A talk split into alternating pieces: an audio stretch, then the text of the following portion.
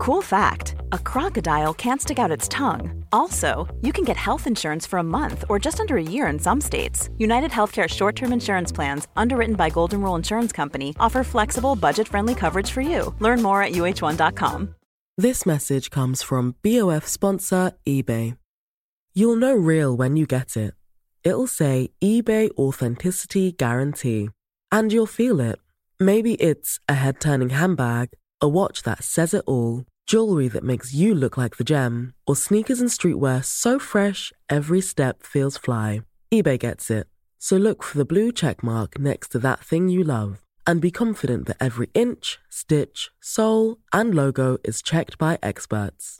With eBay Authenticity Guarantee, you can trust that feeling of real is always in reach.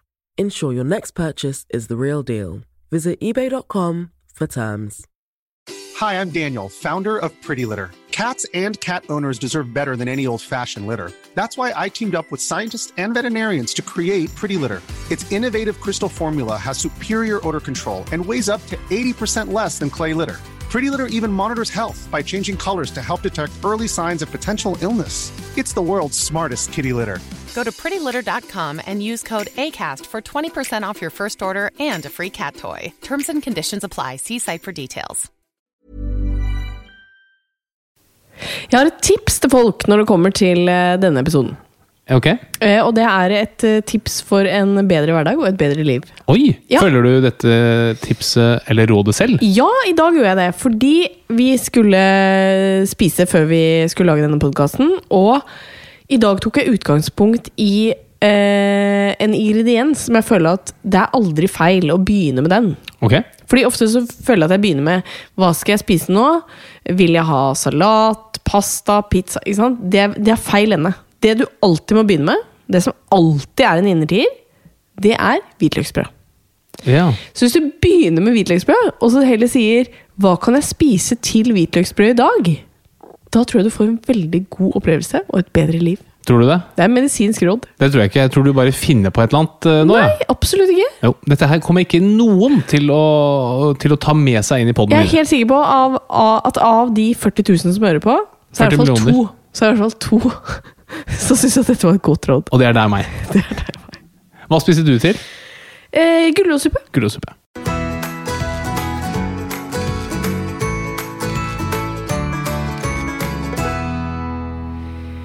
Ja, og det vil jo overraske meg hvis ikke alle er med videre nå, eh, etter den introduksjonen der. Ja. Ja. Det vil ikke overraske meg. Men det er jo veldig hyggelig å kunne si hjertelig velkommen til eh, denne episoden av Åpen journal. Tusen takk. Jeg er med videre. Det er jeg veldig glad for. Eh, Og i dag så skal det handle om en sykdom som ca. 30 000 nordmenn har. Det er epilepsi. Mange har kanskje hørt eller sett noen, enten i virkeligheten eller på TV, få et epilepsianfall. Og det kan jo være veldig skummelt. Ja. Både for den som ser på, og ikke minst den som har det. Ja, men eh, da tenker jeg at det er veldig lurt å vite hva man skal gjøre hvis noen får et sånt anfall. Mm. Og derfor skal vi i dag snakke om epilepsi, og forhåpentligvis svare på hva man skal gjøre for noe. Spennende! Spennende! Og så får vi besøk av influenser Sebastian Solberg. Hva skal til for å være en influenser? Nei, det er vel følgere på Instagram, er det ikke det som gjelder, da? Jeg har følgere på Instagram. Ja, Hvor mange da? Eh, vet jeg ikke. Nei, men ganske mange, faktisk. Oi, er jeg da en influenser? Ja, det vil jeg si. Uten å influense noe som helst.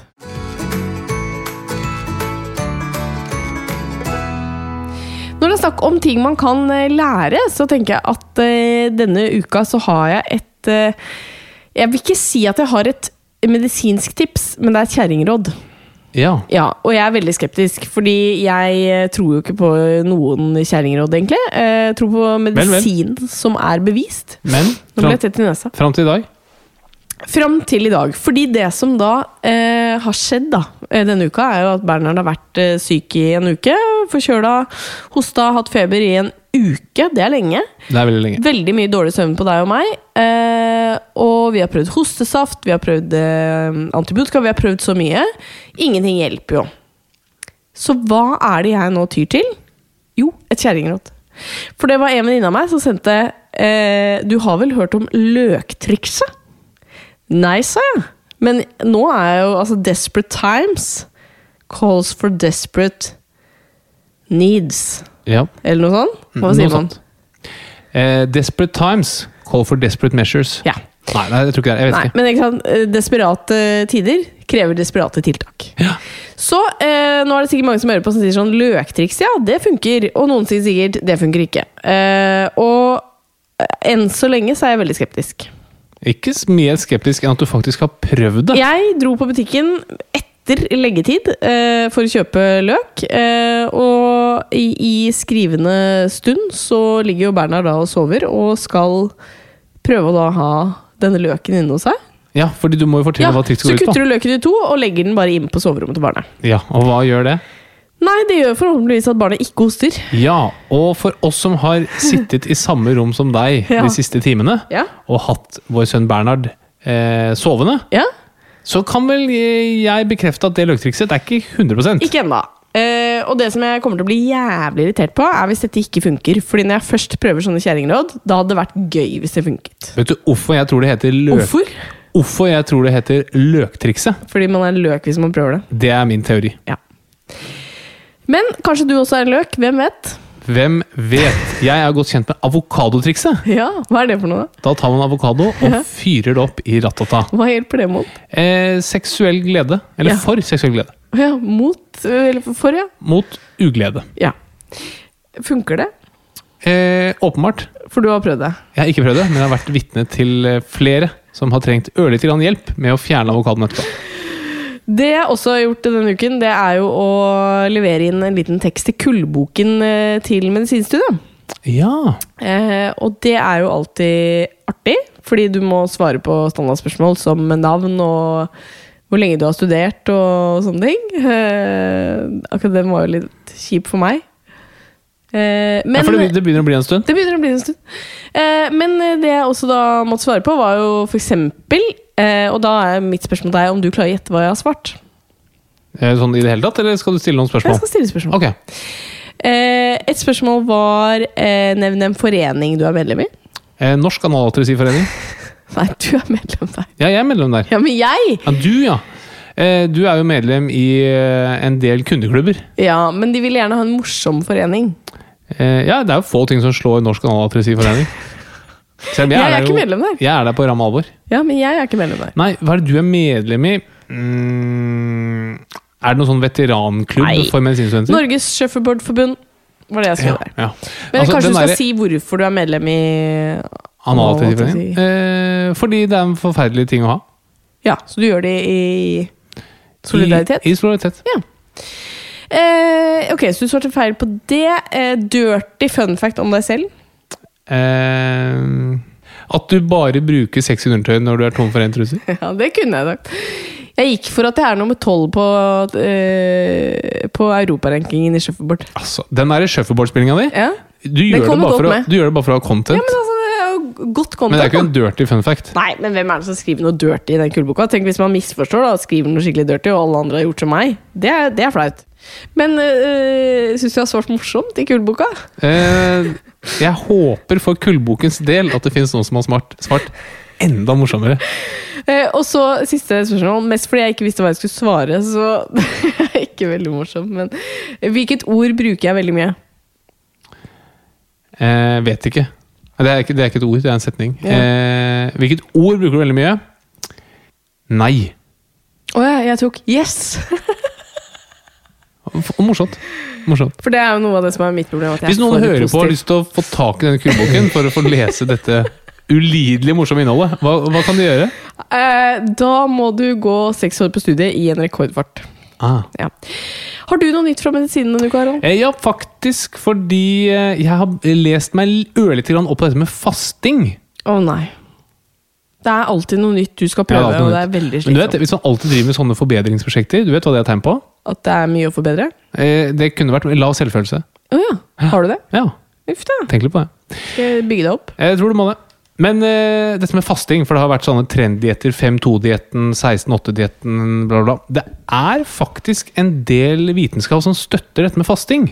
Ikke nødvendigvis fordi man skal ned i vekt, men fordi det har en positiv effekt på kroppens metabolisme. Ja. Det øker eh, insulinfølsomheten. Og når man sier at noe øker insulinfølsomheten, så betyr det at man beveger seg vekk mot diabetes type 2. Eh, demper Vekk mot eller vekk fra? Vekk, unnskyld, vekk fra. Ja, vekk fra, Mm. ja. Forebyggende mot diabetes type 2. Eh, demper inflammasjon i kroppen. Og dette uttrykket med inflammasjon i kroppen, det liker jeg ikke. Det er sikkert fordi jeg ikke har lest noe om det, men jeg syns det er så diffust og vagt. Men, eh, men det har en del gode effekter. Derfor har jeg tatt et par dager igjen, da. Fasta i 16 timer. Er det det du har drevet med når du har sagt sånn 'jeg er ikke så veldig sulten', ja? Ja, men eh, man blir ikke så sulten når man haster. Å, herregud. Ok, hvordan går det, da? Utmerket. Sjelden følt meg bedre. Jeg er så sliten av de prosjektene. Men eh, hvis det er noen som lurer på om de skal faste, og lurer på om det er, om det er eh, dokumentert positive effekter, så er svaret på det ja. Så når er det du ikke spiser etter, da? Eh, nei, det har vært veldig tilfeldig. Altså, det har bare vært fordi nå har jeg hatt litt sene vakter og sånn. Så da har det plutselig blitt sånn. Og istedenfor da å spise mye når jeg kommer hjem, så tenker jeg ah, vet du, nå har jeg muligheten til å enkelt ta en 16 timers faste. Ja. Så sier jeg ikke har spist fra klokken eh, fem, da. Så øh, 16 timer. Er det ikke 16 timer? Jo, 16 timer. Så det er 12 timer, det er fem på morgenen, og så fire klokken ni. Så spiser jeg klokken ni dagen etter. ja. Ganske enkelt. Nei, jeg er ikke interessert. Og for å være ærlig, jeg gløder. Nei, for å være helt ærlig. Det gjør du ikke. Nei, jeg gjør ikke det, nei. nei men eh, akkurat nå så har vi et, et sykt barn, og, det, og, og en kone som er har vært litt syk òg. Ja, Dere hører sikkert at jeg er ikke helt i vater. Det er, det er slitsomt. er altså. slitsomt. Ikke bra. Men eh, takk for eh, nyhetene. Jeg kommer ikke til å følge opp. Jeg kommer ikke til å begynne å faste. Nei. Nei. Du er jo generelt veldig negativ til alle prosjekter jeg drar i gang. Positiv. Det er det jeg burde hatt i kullboka. Positiv. Det hadde vært humor. Da, da hadde jeg litt ledd. Festlig.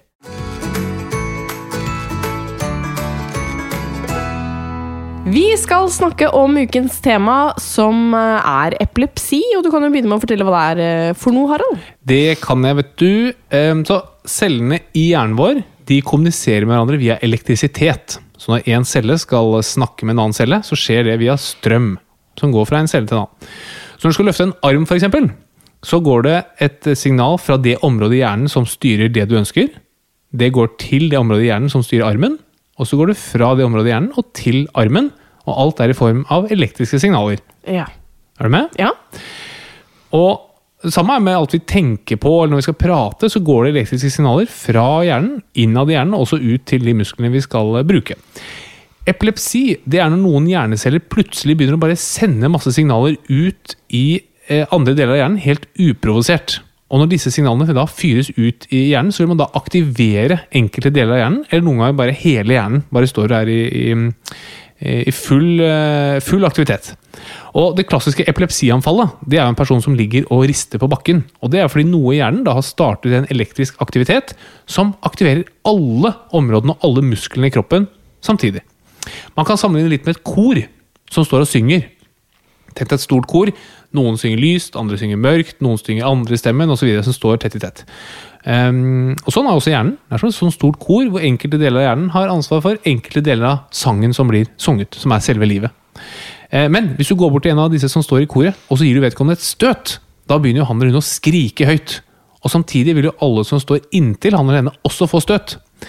Og noen ganger så vil jo bare de som står i nærheten av vedkommende, begynne å skrike høyt. Mens andre ganger så kan faktisk det støtet forplante seg til hele koret. Da står hele koret og skriker i koret samtidig. Og sånn er det litt med epilepsi også. Ja. Noen ganger så er det bare enkelte områder i hjernen som begynner å fyre masse. Andre, deler, så, andre ganger så er det hele hjernen. Veldig godt forklart. Men hva kan være årsaken til at noen får et epileptisk anfall?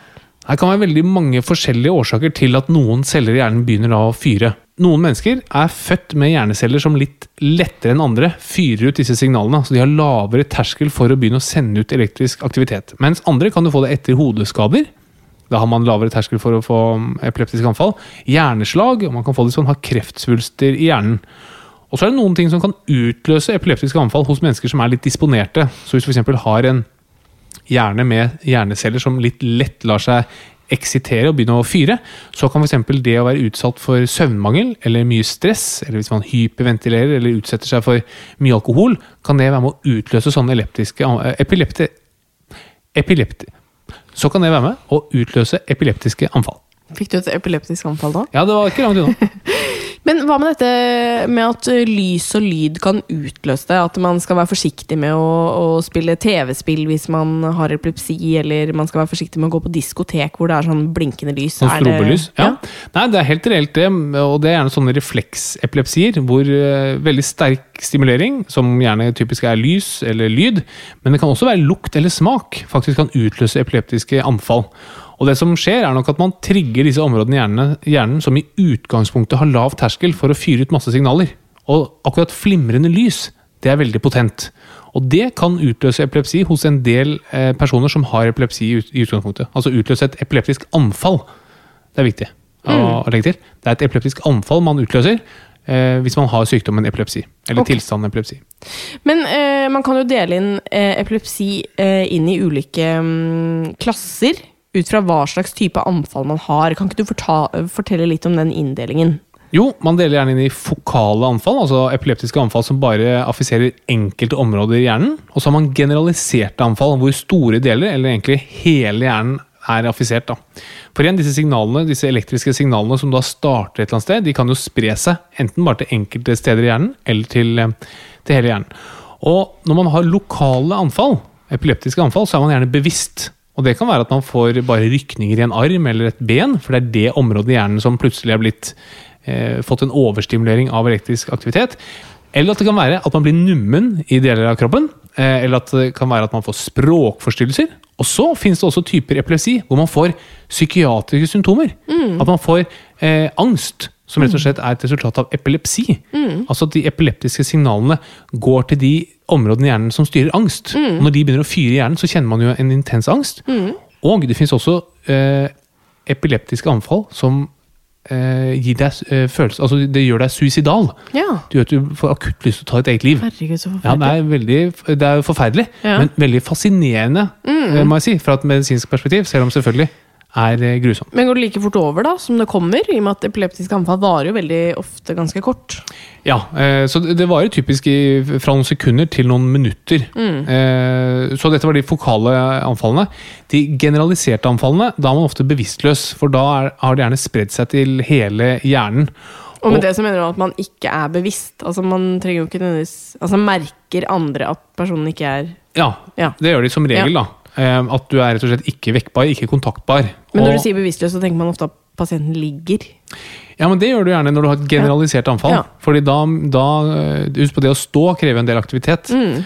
Så når du får et generalisert anfall, så får du klassisk gjerne kramper i hele kroppen. Mm. Altså hele kroppen begynner å riste, eller du kan bli helt stiv i hele kroppen, som en pinne.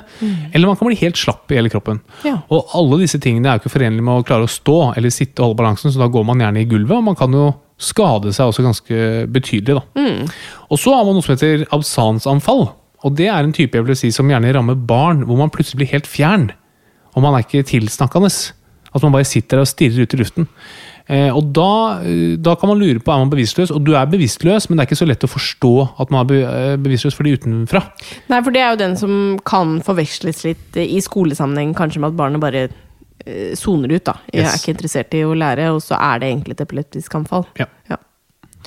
Mm. Eh, Mange forskjellige typer. Eh, man kan ha flere også, eh, som en enkelt pasient, eh, har jeg skjønt. Absolutt. Ja. Og da blir spørsmålet er det farlig. Eh, ja, det kommer litt an på hvordan man ser dem og hva slags type man har. Men epilepsi er egentlig ganske farlig sykdom. Og én ting er det åpenbare, hvor man kan risikere å få anfall i veldig ubeleilige situasjoner. Eh, jeg hadde en pasient en gang som hadde epilepsi. Og han fikk beskjed om at det er liksom to ting du ikke skal gjøre. Du skal ikke dykke, og du skal ikke hoppe i fallskjerm. Nei. For alle skjønner at hvis du er på 20 meter under havoverflaten og får et epileptisk anfall, så kan det ha store konsekvenser. Samme hvis du hopper i fallskjerm. Og hva tror du han begynte med da han fikk den beskjeden? Uh, fallskjerm. Ja, og, og dykking. Nei! Jo. Og sånn er det jo noen som er, da. Ja. Litt sånn reflektære. Eh, og det gikk jo bra, det. Selvfølgelig. I hvert fall eh, så lenge jeg nå, kjente han. Nei, Ja. det er riktig.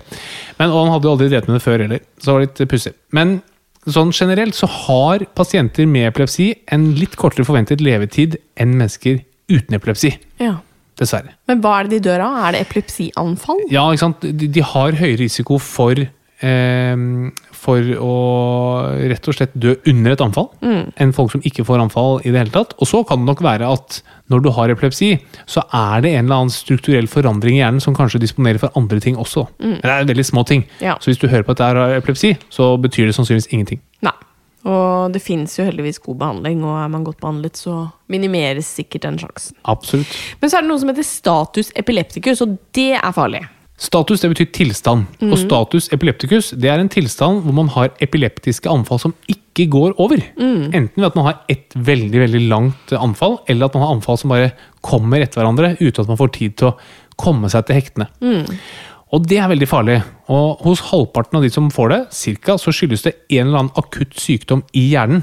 F.eks. at du har en infeksjon i hjernen, at du har en svulst i hjernen, eller at du eh, er forgiftet eller har et eh, slag, et, et hjerneinfarkt. Eh, og hos andre halvparten så skyldes det bare at de har en epilepsi i bånd. Ja. Eh, og grunnen til at det er farlig, er fordi du kan få varige skader i hjernen av dette her. Eh, og så kan du faktisk også dø under et sånt anfall. da. Det, er, det er en ganske betydelig dødelighet under et status epilepticus-anfall. Ja. Oppløftende. Eh, nei, ikke veldig oppløftende, men eh, vi er ikke her for å trøste. Vi er her for å informere. Men hva skal man gjøre da, hvis noen eh, har et status epilepticus-anfall? Ja, det vet du ikke. Så Det vet jeg. Du, du vet det? Jeg Ja, vet få det. Det er å gi benzo. Ja, Benzodiazepiner. supert. Så hvis noen av de som hører på, ser noen som har eh, et Så flekker de opp noe benzo som de har benz. eh, Det er mye benzo ute og går, det skal jeg love deg. Nei, hvis Og du, gjerne gi det rektalt. ja, Ja. det er for så vidt riktig. Men hvis du ser at noen har et epileptisk anfall, så vil jeg ringt 113. Det er jeg enig. Det ville jeg bare gjort på refleks, fordi de kan gi veldig god hjelp. Ja, men, og det skal du egentlig komme til nå. For hva kan man gjøre da hvis man ser at noen har et epilepsianfall? Ja, Hvis du ser at noen har et epileptisk anfall, så gjelder det samme som det gjelder for alle alvorlig syke mennesker. A, B, C. A for airways, B for breathing og C for circulation. Så prøv å se at pasienten har frie luftveier. At det ikke er noe som blokkerer luftveien. At de ikke har noe rundt halsen eller noe sånn veldig stramt som hindrer at de puster. Når det gjelder B og C, breathing og circulation, så får ikke gjort så fryktelig mye. For de, de ligger jo bare på bakken og, og rister, hvis vi tenker at det er et, et stort epileptisk anfall. Eh, og så får man jo da igjen gode tips fra 113 hvis man ringer de. Men det som kan være lurt, det er å ta tiden på anfallet. Så vet man hvor lenge det har vart. Oh, ja. Fordi man trenger ikke å gjøre noe hvis et anfall varer bare kort tid. Da kom, altså Kort tid så mener jeg typ et minutt eller to. Eh, Men hvis det begynner å nærme seg som tre-fire-fem minutter, da er det viktig å, å få gitt behandling. Eh, tidligere så sa man jo at man skulle prøve å putte noe inn i munnen. Altså noe mykt noe i munnen som de kunne eventuelt bite på, men det har man gått litt bort fra. Ja, ikke gjør det. Nei. Ikke gjør noe der. Hvis de har noe i munnen, så kan det være fint å få det ut. Men Ja. å putte noe i munnen er ikke noe vits. Eh, Det kan være greit også å se at det ikke slår seg. At de Ja. ikke, at de ikke risikerer å mm, slå seg noe mer enn de eventuelt har gjort. Da. Mm. Passe på at hodet, kanskje legge noe mykt under hodet, den type ting. Men ellers så må man nesten bare se det gå sin gang, Ja. eh, og få råd fra, mm, fra de flinke folka man snakker med når man ringer 113. ja. Og eh, hvordan er det man egentlig diagnostiserer at noen har epilepsi? Er det en eh, grei skuring? Eh, ja, altså det er jo en klinisk diagnose. altså Den baserer seg ikke nødvendigvis på noen prøver. Den baserer seg på å snakke med pasienten og få høre hva som har skjedd. Snakke med de som har vært rundt eh, pasienten. Eh, og så er det viktig å komme til bunns i om det er noen årsak her. Er det, eh, og hvis det er noen årsak, altså et eller annet som har provosert det fram, så er det egentlig ikke epilepsi. F.eks. feberkramper hos barn. Det er relativt vanlig. Så hvis du får høre at noen har hatt eh, veldig kraftige kramper, og får samtidig vite at det har vært under en, eh, en eh, ordentlig infeksjon med høy feber, så er det sannsynligvis feberkramper og ikke reell epilepsi. Andre ting det kan være viktig å kartlegge, er om det har vært noe rusmiddel inne i bildet. Om pasienten kanskje har hatt et hjerneslag, eller om de har hatt veldig lavt blodsukker hos en diabetiker f.eks. Så finnes det en del undersøkelser man kan gjøre. Man kan jo måle elektrisk aktivitet i hjernen. Man kan ta MR, man kan ta blodprøver eh, og masse greier. Og det handler i all hovedsak om å se om man finner noen underliggende årsak til epilepsien. Men hos de fleste så finner man ikke noen årsak til epilepsien. Man bare skjønner at pasienten har hatt et epileptisk anfall, og sånn sett da har en, en epilepsidiagnose. Og hvordan behandler man da epilepsien? Eh, ja, det fins jo heldigvis veldig god behandling, sånn som du helt riktig var inne på. Eh, og det fins både forebyggende behandling, altså behandling man gir for å unngå å få epileptiske anfall, og så har man behandling for akutte anfall. Og den forebyggende behandlingen den handler om å tilpasse hverdagen til pasienten. Altså unngå eventuelle ting som trigger pasienten, og generelle råd som man gir. Det er å passe på å få nok søvn, være forsiktig med alkohol, ikke bruke noe unødvendige rusmidler og ha et relativt eh, stabilt kosthold osv. Leve et liksom sånn eh, relativt sunt og friskt liv uten for store variasjoner som gir mye stress på kroppen. Og så finnes det jo da heldigvis også medisiner. Og det de medisinene gjør, de gjør at hjernecellene ikke fyrer så lett. At de hever liksom terskelen for at eh, nervecellene begynner å sende ut masse elektriske signaler. Og med disse medisinene så blir ca. to av tre pasienter helt anfallsfrie. Og det er veldig bra. Og de fleste trenger også bare én medisin. Ja. Så det er veldig veldig oppløftende. Når det gjelder anfallsbehandling, da kommer man inn på det du sier som er benzodiazepiner. Og det er rett og slett medisiner som stopper opp hjernecellefyringen. Det er stoffer som går inn, virker på hjernen, og så får de hjernecellene til å bare roe seg ned.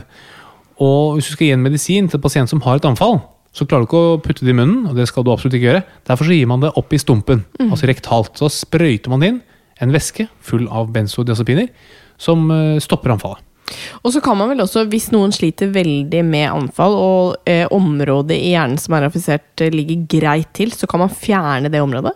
Ja, du kan faktisk det. Du kan både fjerne området som gir epileptisk aktivitet, aktivitet, og du kan også i noen tilfeller faktisk eh, isolere et område fra andre områder, sånn at det epileptiske området ikke kan spre seg til andre ting. Ja. Og det gjør man noen ganger. Man, slett, altså, man har jo to hjernehalvdeler, og de er bundet sammen på midten. Og det man kan gjøre, i noen tilfeller, faktisk skjære over den, så ikke de to hjernehalvdelene snakker sammen. For å unngå at et epileptisk anfall sprer seg fra én hjernehalvdel til den andre. ja.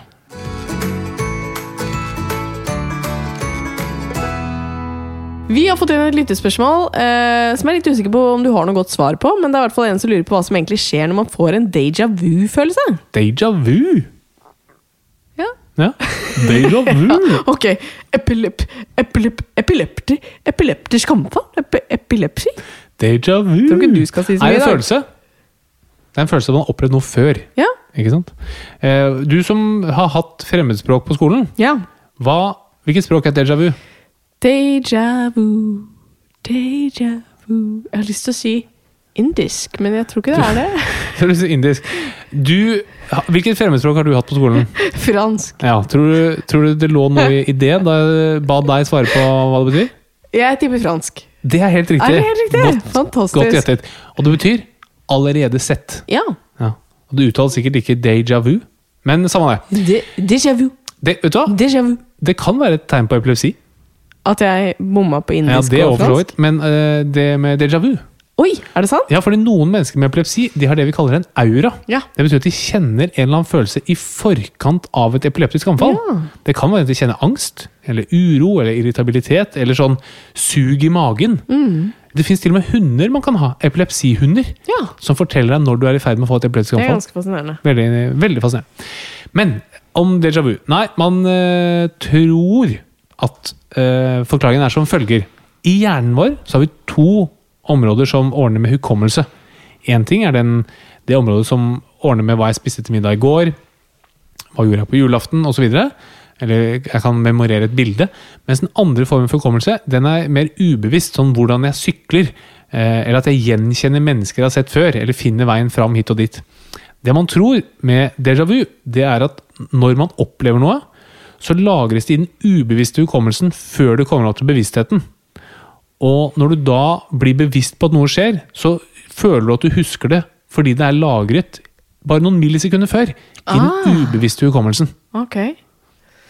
Så det er noe hjernen skjønner at kommer til å skje, og den lagrer det, og så tror du at du har opplevd det. Ja?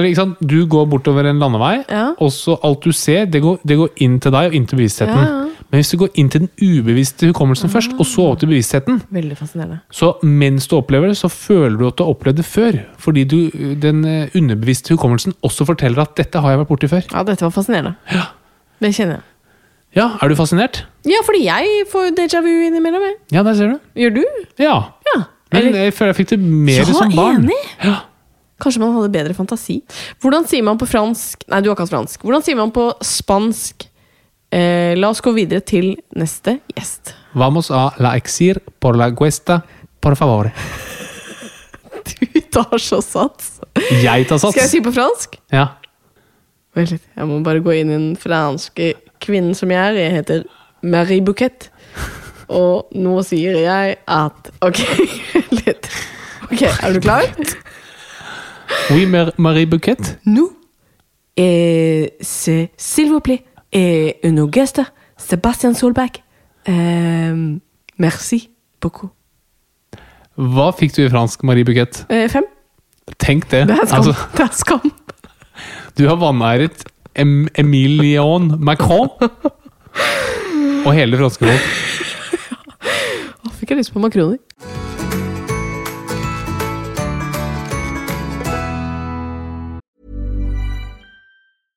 Small details are big surfaces. Tight corners are odd shapes. Flat, rounded, textured, or tall. Whatever your next project, there's a spray paint pattern that's just right. Because Rust new Custom Spray 5 in 1 gives you control with five different spray patterns. So you can tackle nooks, crannies, edges, and curves without worrying about drips, runs, uneven coverage, or anything else. Custom Spray 5 in 1.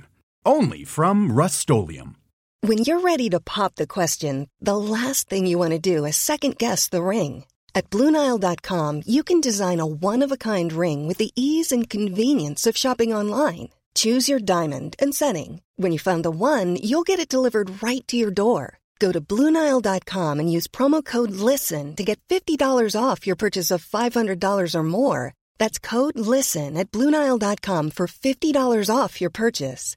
Bluenile.com code LISTEN.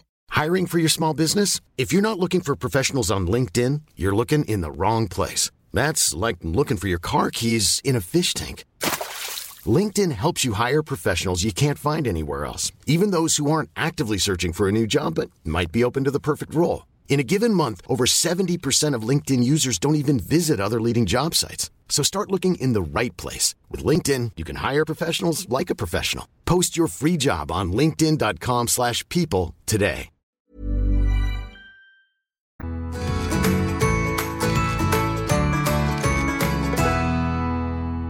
Da Ikke tenker jeg sånn, fy fader, så gøy hvis vi skal stå og lage Det crab sticks, tenkte jeg. Mm. For hvis dere som hører på nå lurer på hvem som snakker om Camp Culinaris, så er det Sebastian Solberg som er ukas gjest. Velkommen! Hola, takk skal dere ha. Vær så Hyggelig, god. altså. Aktuell med både Camp Culinaris og eh, Crab sticks.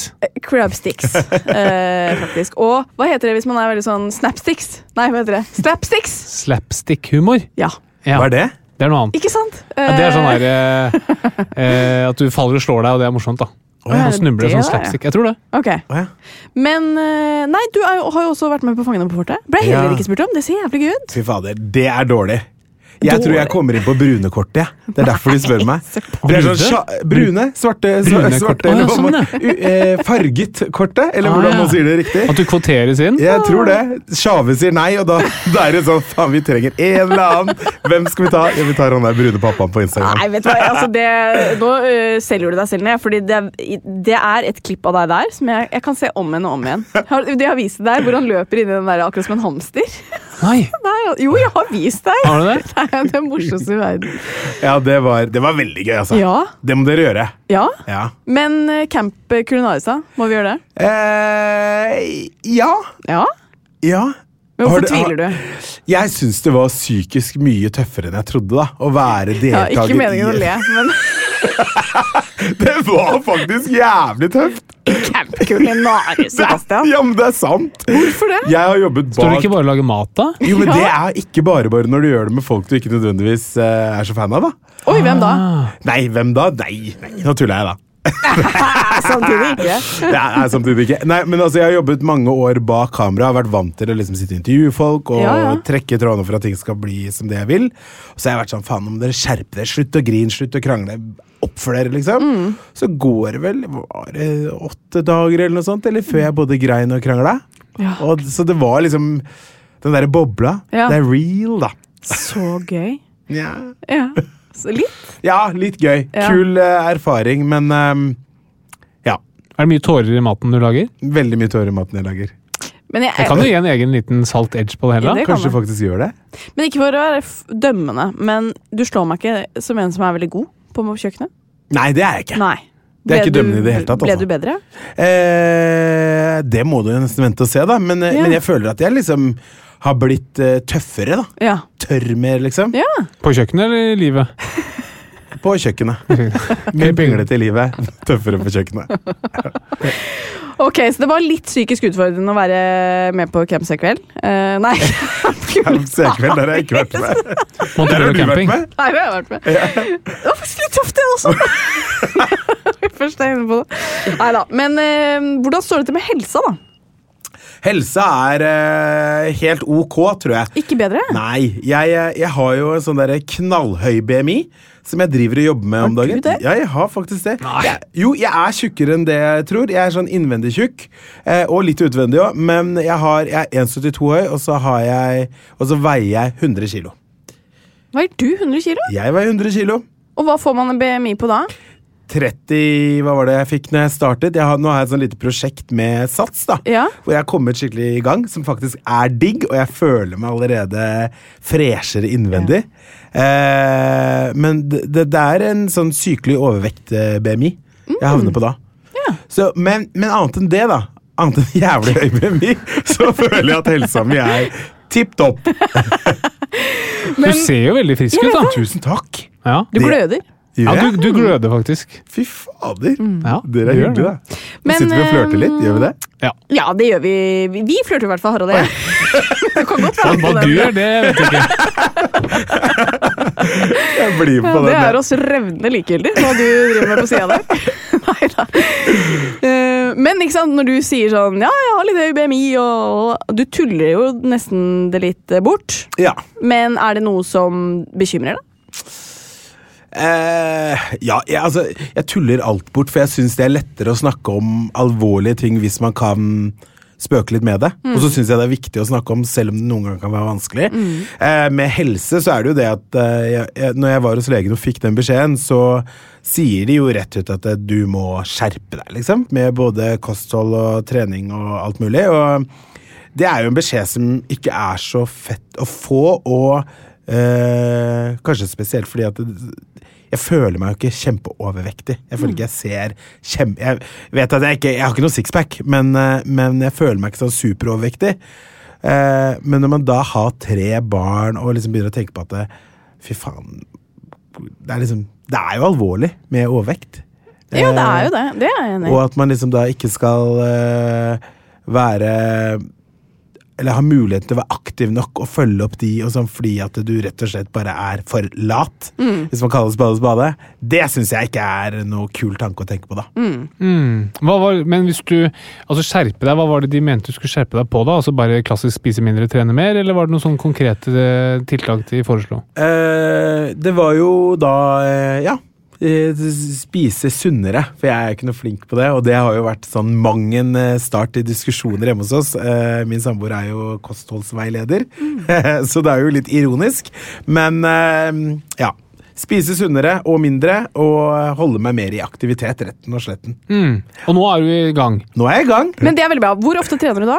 To ganger i uken. To ganger i uken. Som er mer enn null ganger i uken. Helt enig. Og så eh, prøver jeg å spise litt mindre. Det er egentlig der problemet mitt ligger nå. Trening. Begynner å like det. Ikke elske det, men liker det, og det er greit.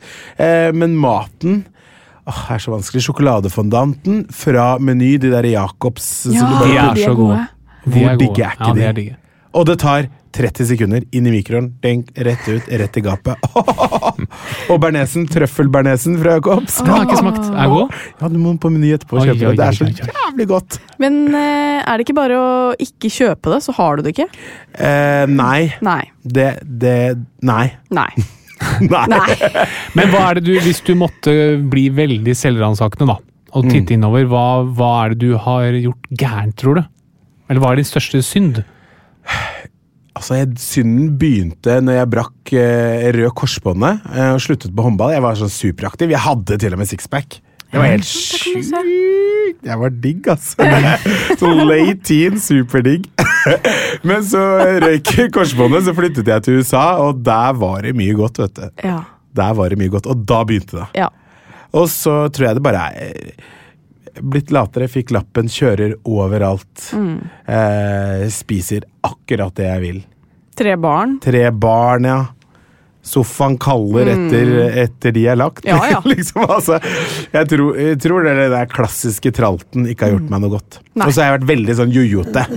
Fordi jeg har i perioder vært sånn Nå går jeg all in! Og da går jeg all in, og så blir jeg litt slankere og litt sunnere en periode, og så bare syns jeg det er dritkjedelig. Så nå er jeg sånn der, jeg prøver heller å gjøre litt og litt og litt, da. Mm. Det er planen. Men husk på at det er, hvis du klarer å trene, det er det viktigste. Det er mye Ja. å trene enn å være slank. Ja. Ja, men det mest effektive for vekten er jo maten. Ja, men hvis du tenker sunnhet, da, som er Ja. det eneste som egentlig betyr nå ikke sant? Det er jo, og, og det er selvfølgelig trist å gå den veien der, men det er jo som man merker man får barn, at plutselig så har du et ansvar, og du har liksom lyst til å oppleve de blir gamle og være ute og spille fotball med de og sånn. Men hvis målet bare er å være sunn, så er det viktigere å trene enn å være slank. Ja. Så det kan Ja, være en liten trøst, i da. gang. Ja. Mm. ja, nei, men da er jeg på god vei, da. Ja, det tror jeg. ja. Det tror jeg. Men ehm, har du noen eh, andre dårlige vaner? Som ikke er bra for helsa di? Som ikke er bra for helsa mi. Eh, jeg drikker alkohol, men jeg drikker veldig lite. Jeg drikker aldri Jeg tar meg aldri én pils eller et glass vin eller noe sånt. Jeg er veldig sånn Når jeg først drikker, så drikker jeg jævlig mye. Ja. Og da blir jeg superdritings, og så fører jo det til andre skader òg, da. Ja, ikke sant? Retten og sletten. Så, det er jo ikke, så jeg føler jo det at jeg kanskje burde skjerpe meg litt der og bli litt mer sånn voksen. Ta meg et glass vin og kose meg med det. Men jeg syns jo ikke det er noe godt. ikke sant? Nei. Så Du bare bælmer det ned for å bli drita. holder for nesa, drikker, kjøper på polet. Det er høyest prosent og billigst pris. Da har man blitt voksen, ja. Da, ja, på tide å Ja, ja, ja. Altså.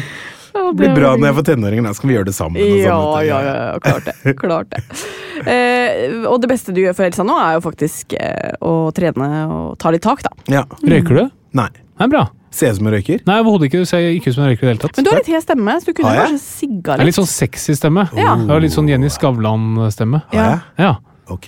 Bare litt mørkere. Nå merket jeg at jeg måtte gjøre det litt Ja. til. Ja. Ja. Der, vet du. Vi hadde også Samantha Skogran her. var Ja, her. Oi. Og hun også har en nydelig stemme. Så dere sexy to, stemme. som en sånn eh, oppleser av en erotisk novelle, den hadde jeg hørt på. Ja, det skal jeg foreslå. Ja, Send en det melding synes jeg etterpå, du skal. Men apropos erotikk. Eh, hvordan, eh, hvordan går det med forhold, da, etter at dere fikk barn? Har dere merka noen endring der? Altså, vi har Jeg, jeg vet ikke om det skyldes barn eller, eller hva det er, men eh, jeg og min samboer Nikoline vi har vært sammen i syv år snart. eh, Og hadde liksom fem år hvor det ikke var noe problemer. Ja. Eh, men så møtte vi på veggen skikkelig, og det har jeg vært åpen om, så det er ikke noe hemmelighet, det. altså. Men eh, da syns vi at eh, det var vanskelig å være kjærester, rett og slett. Det er vanskelig å stå i foreldrerollen sammen og, og rett og slett eh, takle motgang, da.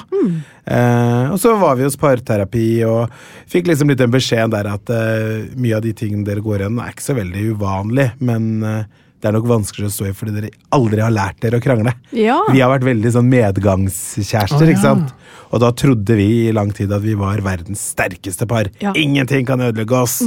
Em, og så satt vi nok litt for høyt på hesten vår, da. Og, så, mm, og så ble det tøft, eh, og det syns jeg var eh, kjempevanskelig. Og noe jeg ikke har hatt forståelse for før, hvordan det er å ha det vanskelig i et parforhold. Har jeg aldri Når folk har kommet og sagt til meg, så har jeg sagt ja ja, men det ordner seg, ikke tenk på det. Ja, ikke sant? Ikke sant? Jeg har vært litt der, da. Som jeg har dårlig samvittighet for noe overfor venner som liksom har Som jeg i ettertid skjønner at egentlig har trengt hjelp, da. Ehm, men så eh, har vi kara oss fint igjennom det, da. Så bra. Hva har Ja. dere gjort, da? Har du noen oppskrift på Jeg tror, jeg, jeg, jeg tror man skal være forsiktig med å gi råd eh, til hvordan folk skal eh, redde forholdet sitt, eller hvordan de skal jobbe med forholdet. For ja, alle forhold er forskjellige, og utfordringene man møter, er forskjellige. Eh, og jeg har jo gitt veldig ofte sånne råd. Ja, men bare skaff dere barnevakt. Sett av tid til dere selv. Ja. For oss er det veldig lett, fordi vi har familie og venner som stiller opp. Eh, Nikoline har jo hatt eh, Har vært en av de første i vennegjengen sin som har fått barn. Så der har venninnene stilt opp mye, og det har vært veldig lett for oss å spørre om. Og så glemmer jeg jo da at det, alle har ikke den samme luksusen da, Nei. med nettverket rundt seg som kan stille opp. Men jeg tror eh, parterapi har vært helt gull for oss. Ja. Elsket det. Ja. Syns det er så bra, og det gjør at begge to må se litt kritisk på seg selv og egne handlinger, da. Og det tror jeg Jeg tror man har veldig, veldig godt av det iblant, altså. Mm. Hva var det som gjorde at dere først begynte å se at det var et problem? da? Var det, var det logistikk rundt barn, eller var det noe annet? Um, det var Altså, vi har jo vært litt åpne om det. Altså, det er jo uh, Vi hadde eh, ting i vårt forhold som ikke var helt bra, og så ble vi gravide. Eh, når vi var i vår første lille turbulente greie, og hun hadde ting i sin familie, og jeg hadde ting i min familie, eh, som gjorde at vi ikke greide å kommunisere plutselig. Eh, og så ble vi gravide, og så var vi uenige om vi skulle beholde det barnet eller ikke. Eh, og det er eh, åh, Jeg begynner nesten å gråte bare å snakke om det, fordi det er eh, det er det verste jeg har vært borti. Det var steintøft, altså, å sitte der og ikke eh, ja, ikke være enige om noe så stort og så viktig, og noe som man eh, Ja, spesielt når man har barn fra før av. Så eh, blir bare alt så betent, og det gjorde det gjorde at vi var eh, ikke veldig langt fra å gå hvert vårt. Som da, når man venter barn, kanskje er på det vanskeligste. Ja. eventuelt gå fra hverandre. da. Helt grusomt. Men uh, hva tenker du om det nå i ettertid, da? Når du ser tilbake på det? Nå i ettertid er jeg veldig glad for at det ble som det ble. Eh, og så ser jeg jo at veldig mange av tingene jeg sa og gjorde i den perioden, er, er helt irrasjonelt. Ja. Eh, Man ser at man um, At man kanskje hadde hatt godt av å ta en pause litt før. Eh, ikke med meg og hun, men jeg i meg selv. Ta, trekke meg litt tilbake og ikke være så hissig på grøten og så skulle vinne hver eneste diskusjon og, og, og sånn, da. Så det, jeg ser tilbake på det, og så har vi jo fått uh, hun nydelige lille jenta, da. Og da er man jo bare d- Jeg er veldig veldig glad for at hun er her, men det er også sårt fordi um, man føler jo på en skam over at man en gang kanskje ikke ville ha det. Ja. Og det er, Det eh, det er tøft, syns jeg. Men, eh, men glad jeg tapte den diskusjonen. der. ja. Veldig, Av veldig alle diskusjoner. Av alle diskusjoner er det den beste å tape. Og nå er jeg litt der at nå tenker jeg sånn Nå er liksom ting oppe og nikker igjen, og vi har det fint. Så nå er sånn, jeg, sånn, skulle vi gått for fjerde, eller? Oi, Skulle vi oi, Oi, oi, oi, oi. Jeg tror ikke det, altså, men jeg, men jeg er liksom Du er på godt sted. Man er på, man er på godt sted.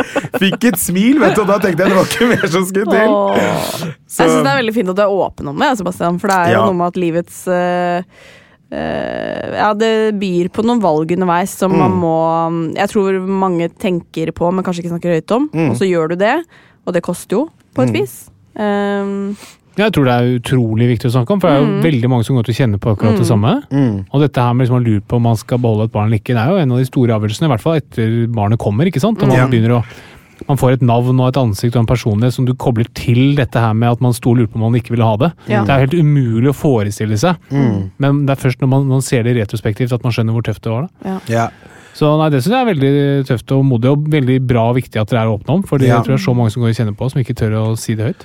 Vi er nok litt forskjellige der. Nikoline er en mer privat person enn jeg er. Ja. eh, Og der har vi på en måte møttes litt på midten, da. Ja. Og funnet ut at det, ok, disse tingene her er greit at du snakker om hvis du vil det, og så kan du holde kjeft om det, det du vil. Men for meg så er det Det har vært litt terapi òg, å bare, liksom bare være åpen med det. Og så eh, jobber jo jeg med sosiale medier og litt TV og sånn, og da får man jo ofte se en veldig sånn polert versjon av hverdagen.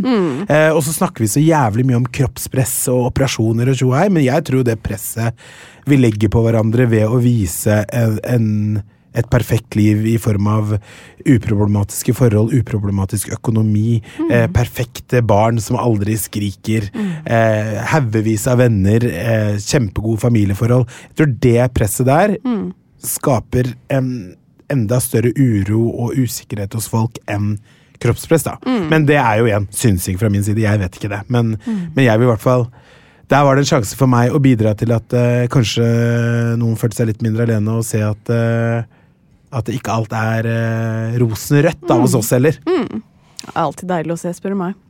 Ja, det er det! Sånn fråtser jeg. Nei, jeg fråtser ikke, men Jo, men jeg også gjør det, jeg skjønner hva du mener. Ja, eller i hvert fall Det er jo noe med at liksom Det er lettere for meg å like et uh, stygt bilde på Instagram hvis noen legger ut sånn 'se så stygg jeg er her'. Det Mm. liker jeg, liksom. Eh, Så legger ut det fine bildet. Så, åh, Greit, jeg liker det, vi er jo venner. Ja. Få få den jævla liken, da. Um, men hvordan tror du du hadde vært som lege, da, Sebastian? Tror du du hadde vært en god lege? Vet du hva? Det, jeg, jeg, hvis jeg ikke skulle jobbet uh, i mediebransjen uh, og ikke fjolla rundt der, så tror jeg faktisk jeg hadde prøvd meg som lege. Er det sant? Ja. Kirurg jeg synes det virker så spennende. Jeg, jeg tror ikke jeg hadde vært noe god, men, eh, men jeg syns det virker så jævlig spennende å være lege. Ja. Er det ikke det? Jo, det er veldig spennende. Ja. Kirurgi er det morsomste som fins. Ja.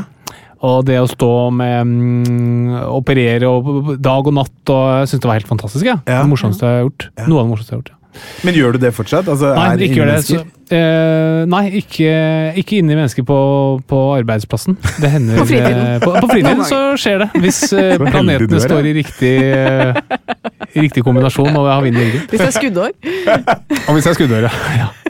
Men eh, nei, Nei, det er jo litt eh, Jeg tror Altså, det er fantastisk gøy, men det, er, det kommer en del ting med. Det er lite fleksibelt, og det er mye jobb, Ja. og det er etter hvert eh, dårlige, dårlige vilkår, så det, jeg hoppet av den karusellen der. Okay. Men det er fryktelig gøy, da. Det må jeg si. Ja. Og det, det kribler Når jeg ser um, filmer og TV-programmer og sånn om det, så det, det kribler skikkelig i kirurgilabbene. Det gjør for det. Ja, for det er altså så gøy. Men du, hvor realistisk er egentlig sånn Grace Anatomy, da?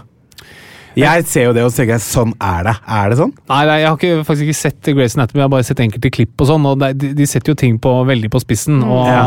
det er nok et litt glorifisert bilde av det. og det er jo oh, ja. det, Husk på at når du jobber som kirurg, det er jo ikke, det er veldig mye tid som går til å ikke operere. Det er Ja. mye eh, tid til å gjøre andre ting på sykehus. Hvordan tror du du er som pasient, da, Sebastian?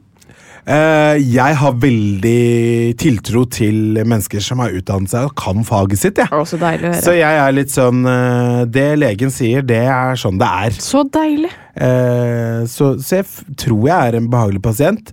Men jeg har jo har jo, har jo ikke, Jeg har ikke vært så mye dårlig, da. Nei. Så jeg har kanskje ikke fått prøvd meg nok Nei. eh, som pasient. Jeg vet ikke. Men med tre barn, da? Det er jo Mm. veldig vanlig med at barneforeldre, småbarnsforeldre Mm. er litt uh, ekstra på vakt med Ja. barna. Men nummer én, veldig. Mm. Eh, så, ting vi dro på legevakten for med nummer én, er sånn som vi bare lukker døren for med nummer tre. Det er liksom sånn, det her sover du av deg. Det går fint. Eh, men, men da var vi sånn ned på legevakten for tett nese, for vi følte hun ikke fikk puste. Hvis Ja. Når de lager sånn Ja, ja. lyd, ikke sant, så var jeg sånn Herregud, hun kommer til å få puste, hun kommer til å dø, det blir et helvete. Eh, så da var jeg nok en slitsom pasient, tror jeg. Mm. Fordi jeg tipper at de legene egentlig hadde tenkt å si Hadde lyst til å si liksom da, Datteren din er tett i nesa. Gi hun saltvann og gå hjem. Ja. Ikke sant? Yes. Hadde de bruker mye tid på sånne ting, tror jeg nok sikkert dere gjør, vil jeg anta. Gjør dere Absolutt. det? Ja, ja, ja, betryggende veldig, veldig ord er viktig. Ja. Så, så, så det er klart, når det, det er noe annet når det er barna mine, men fortsatt så jeg har en master i media management. Jeg kan ikke medisin, så det tenker jeg at eh, det overlater jeg til de som eh, har, eh, har en legeutdanning. Eller medisinutdanning. Ja. Men det kan jo hende at du briljerer i dagens quiz Oi. og viser deg for å være en like god lege som meg. Ok. Vi får se. Vi får se, for vi kjører quiz. Og med oss i dag så har vi studmed Katarina Flatland. God dag. Hei! Eh, og så har vi med deg, herr Solberg. God dag. Hallo, hallo. Eh, nå skal jeg finne fram quizen her, og den er her, vet du. Her er vi. Her Der er vi. Her er vi. Eh, og det er jo som du vet, eller kanskje ikke vet, Sebastian, så er jo temaet dreier seg rundt epilepsi, da. Som vi okay. har snakket om eh, før du kom inn. Fikk ikke eh, varmet deg så mye opp der, men det tror jeg ikke trengs. vi starter med første spørsmål. Hva kalles medisiner som brukes mot epilepsi, Sebastian? Mot epilepsi? Ja. Vet ikke, Smertestillende, har ikke peiling. Katarina? Antiepileptika. Ah, veldig ja. bra! Å ja, det var så vanskelig. Ja, så vanskelig var. Jøss. Antiepileptika. Det er vanskelig spørsmål. Ja, det var vanskelig. Neste spørsmål. Hvis et barn får feberkramper, hva er sannsynligheten for at det får epilepsi senere, Katarina? 1% Sebastian? 2 Ja, bra! Det er 3 er riktig! Ja. Har du vært Jeg var borti, nærmest. Ja, har men du det borti feberkramper noen gang? Uh, nei, det, Det er har veldig ikke. skummelt. Veldig Ja, guffent. er Og har dere det? Nei, vi har Nei, ikke vært det. Men det er Ikke- eller med jobb, barn da. som har det. Åh. Eh, neste spørsmål. Sebastian, skal man putte noe i munnen til pasienter som har epileptisk anfall? Nei. Katarina? Nei. Det er riktig. Ingenting skal inn i munnen. Det er altså likt fortsatt. Ja. Veldig bra. Eh, Katarina, skal du ringe 113 hvis du ser at noen har et epileptisk anfall? Ja. Sebastian? Ja, du må jo det. Ja, veldig bra. Det skal du gjøre. Man kan få gode råd hvis du ringer 113. Ja. Folk ringer generelt 113 litt for lite. Gjør de det? Mange oh. tror at du ringer og så bestiller en ambulanse. Men Ja. eh, de som bemanner 113-sentralen, det er fantastisk De flinke tar folk. den vurderinga. Og så tar det, kan det godt være at de sier at du setter deg på T-banen og drar til legevakta. Mm. Jeg du visste faktisk ikke det. Ikke sant? har Men det du er lært derfor. Jeg trodde at det også man bestilte en ambulanse da. Nei. Akkurat. Ja. Men uh, nå vet du det. Er du i tvil, bare ring de. ja. Eh, neste spørsmål, Sebastian. Hva slags koffeinholdig drikke bør pasienter med epilepsi unngå? Kaffe. Katrina? Ja. Pepilepsi Max. Å, herregud. Hvorfor det? Pepilepsi Max? Nei, Nei, det, Å ja, det var en vits! det var en vits, ja. Du trodde Pepsi Lepsi Max? Nei, men jeg trodde liksom bare var Det var sånn Pepsi Å oh, ja. Eh, nei, det er bare Harald som har eh, patologisk dårlig humor. Ok. Neste spørsmål. Hva slags diagnose for barn som både har atferdsvansker og epilepsi? Katarina? Hoi, hoi, hoi, hva får de? De får eh, et syndrom, men jeg vet ikke hva. Sebastian? Uh, ADHD? Jeg vet ikke. Krampeunge. Å ja. Hva er det, da? Blanding av oh, ja, krampe og krampe krampe. og Ja, ja, sånn, ja. okay. En krampeunge. Det var også et ordspill. Oh, ja. Eh, Sebastian er ikke ditt Uh, Jo, han ler nå, ja, ok, han ler Hvis vi klipper bort uh, pausen Han ler nå. Vi bare klipper bort pausen. Jeg er skjønner ikke vitsene. Neste spørsmål. Sebastian, Ja. hvilken sykdom antar man tok livet av de siste gjenlevende avskyelige snømennene i Himalaya-fjellene? Å, herregud. Er det enda en vits? Eh, nei, overhodet ikke. Jo, 100 Ok. Sykdom, ha-ha, snøvits. Istiden? Ok, Katarina. Nei, jeg vet ikke. Yetilepsi. Fordi yeti er En avskyelig snømann. Å ja, ok. Nei, den var ikke noe morsom. Det var ikke morsomt, nei. 0-0, Nei. holdt jeg på å si. Likt. Det er riktig, ja. I neste spørsmål. Kan man regulere epilepsi med kosthold, Sebastian? Eh, jeg føler at nesten alt kan reguleres med kosthold, så jeg velger å si ja, jeg. Katarina? Ja. Ja, man kan faktisk det. Ja. Lavkarbokosthold Ja, ja. kan eh, bedre epilepsi hos en del. Mm, streng lavkarbo. Ja. Eh, neste spørsmål, Katarina. Kan man operere bort epilepsi? Ja. Sebastian? Eh, nei.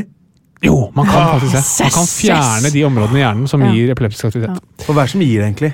Eh, det er at hjerneceller de snakker jo sammen ved å sende elektriske signaler til hverandre. Ja. Men hvis de plutselig begynner å sende masse elektriske signaler rundt omkring i hele hjernen, da har du epilepsi. Å ja. For å si det veldig enkelt. Men det er farlig sykdom, liksom? Eh, ja, det kan det absolutt være. Ja. Men det er veldig mange som lever med det helt godt uten at det er farlig. Ja. Men, eh, men det kan være ganske farlig, ja. Kan man bli pilot hvis man har epilepsi, Sebastian? Nei. Katarina? Nei. Nei, du kan Nei, ikke det. kan ikke det. Siste spørsmål. Kan man bli kirurg hvis man har epilepsi? Sebastian? Jeg vil anta nei der òg. Jeg tipper ja, jeg. Ja, man kan Ja, det. du kan det. Man kan det! Ja. Hva hvis du får et anfall mens du er nedi en eller annen person, da? Så tenk på det neste da, gang du skal bli jeg har et quiz-spørsmål til dere. Men eh, det var, det var du som vant, Katarina.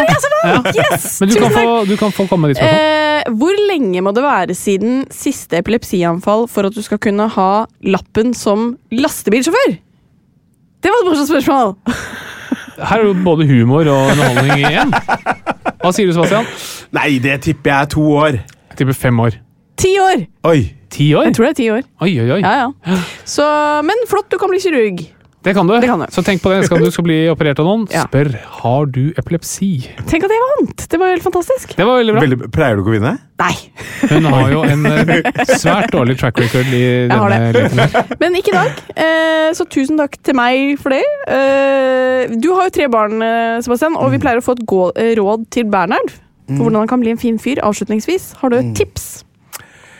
Tips? Åh, vanskelig å gi foreldretips. Jeg tenker jo jævlig kjedelig svar, men bare la han gjøre hva faen han vil med sitt eh, liv. Tenker jeg ikke ikke gi han noe press for at han skal bli eh, det ene eller det andre. Nei. Ja, lege, for eksempel. Nei, han skal få bli det han vil. Mm.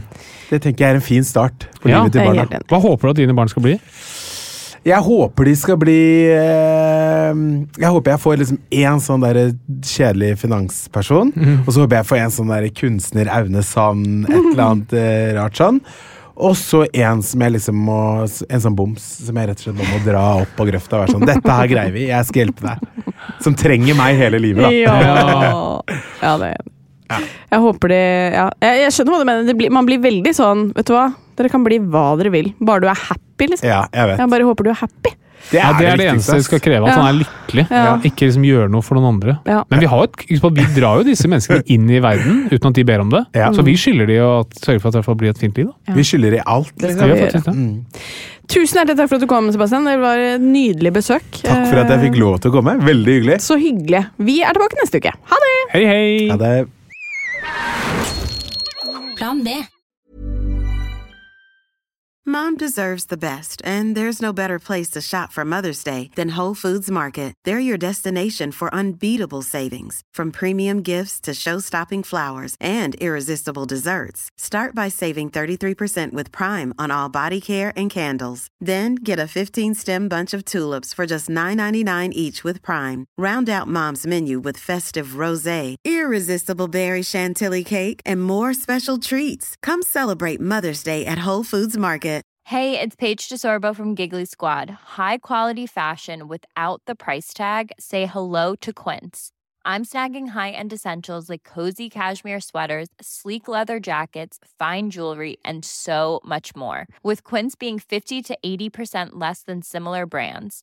And they partner with factories that prioritize safe, ethical, and responsible manufacturing. I love that. Luxury quality within reach. Go to quince.com slash style to get free shipping and 365 day returns on your next order. Quince.com slash style. This message comes from BOF sponsor eBay. You'll know real when you get it. It'll say eBay Authenticity Guarantee. And you'll feel it. Maybe it's a head turning handbag, a watch that says it all, jewelry that makes you look like the gem, or sneakers and streetwear so fresh every step feels fly. eBay gets it. So look for the blue check mark next to that thing you love and be confident that every inch, stitch, sole, and logo is checked by experts. With eBay Authenticity Guarantee, you can trust that feeling of real is always in reach. Ensure your next purchase is the real deal. Visit eBay.com for terms.